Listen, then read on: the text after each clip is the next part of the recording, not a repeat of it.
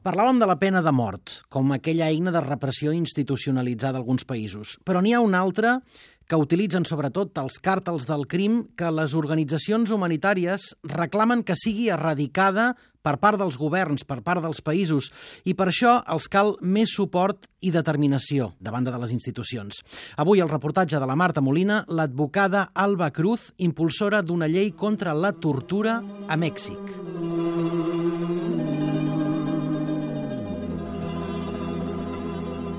La situació dels drets humans a Mèxic és molt crítica. Ja fa un any i mig que el món es va horroritzar al conèixer la notícia de la desaparició dels 43 estudiants de Yotzinapa i l'aparició de més de mitja dotzena de fosses comunes, amb restes de desenes d'altres persones desaparegudes. A més, Amnistia Internacional, en el seu informe d'octubre de 2015 sobre la situació de la tortura a Mèxic, diu que l'epidèmia de la tortura al país ha arribat a nivells catastròfics, amb més del doble de denúncies d'asfíxia, violacions i altres tipus d'abusos sexuals, descàrregues elèctriques i pallisses el país ha rebut avisos dels organismes internacionals de drets humans perquè no compleix cap dels tractats firmats en matèria d'erradicació de la tortura. Per això, des de la societat civil, ja fa temps que s'impulsen iniciatives de llei per combatre la impunitat en matèria de violència, tortura, desaparicions, però no va ser fins any passat que el govern mexicà es va veure obligat a legislar. Alba Cruz és defensora de drets humans, abogada del comitè de l'organització Código DH i ha estat amenaçada de mort en diverses ocasions per lluitar contra la impunitat.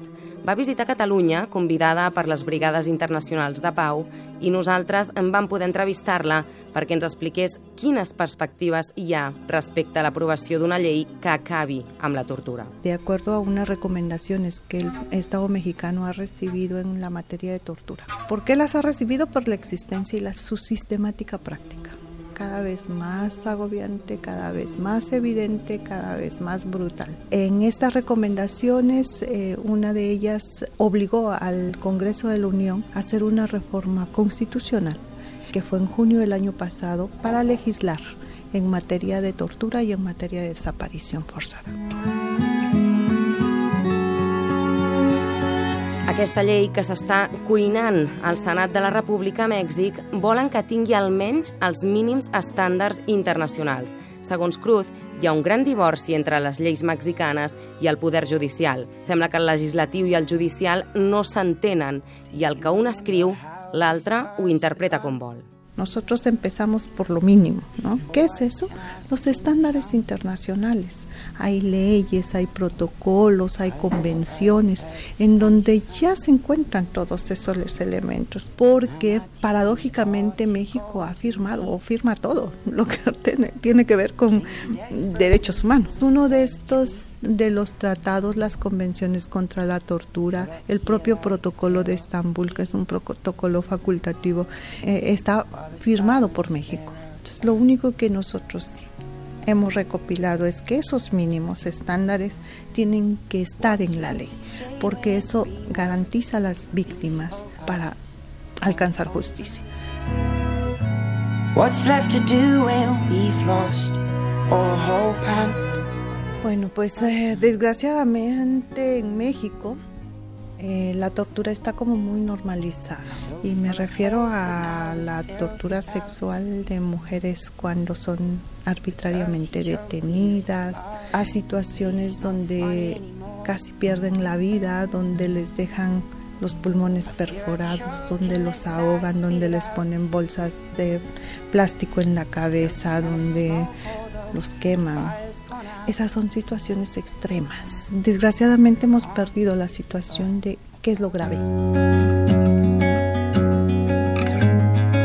Mèxic inicia una reforma constitucional per acabar amb la tortura, però paradoxalment la iniciativa la proposa la Procuradoria General de la República, segons Cruz, l'organisme més torturador.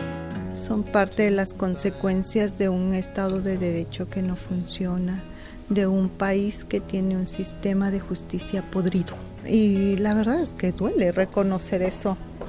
Eh, yo soy abogada, soy abogada, entonces creo en el Estado de Derecho desde mi formación, pero también sé que en el país no funciona. y no funciona de, no de ahorita, sino de hace muchísimo tiempo. Els assassinats i les tortures són conseqüència d'un estat que no funciona i per això advocades com Cruz, que han estat amenaçades de mort, o les mateixes víctimes de la tortura o d'altres tipus de violència, continuen lluitant perquè es compleixin les lleis i potser així acabar algun dia amb la impunitat. Solidaris, un programa per fer memòria.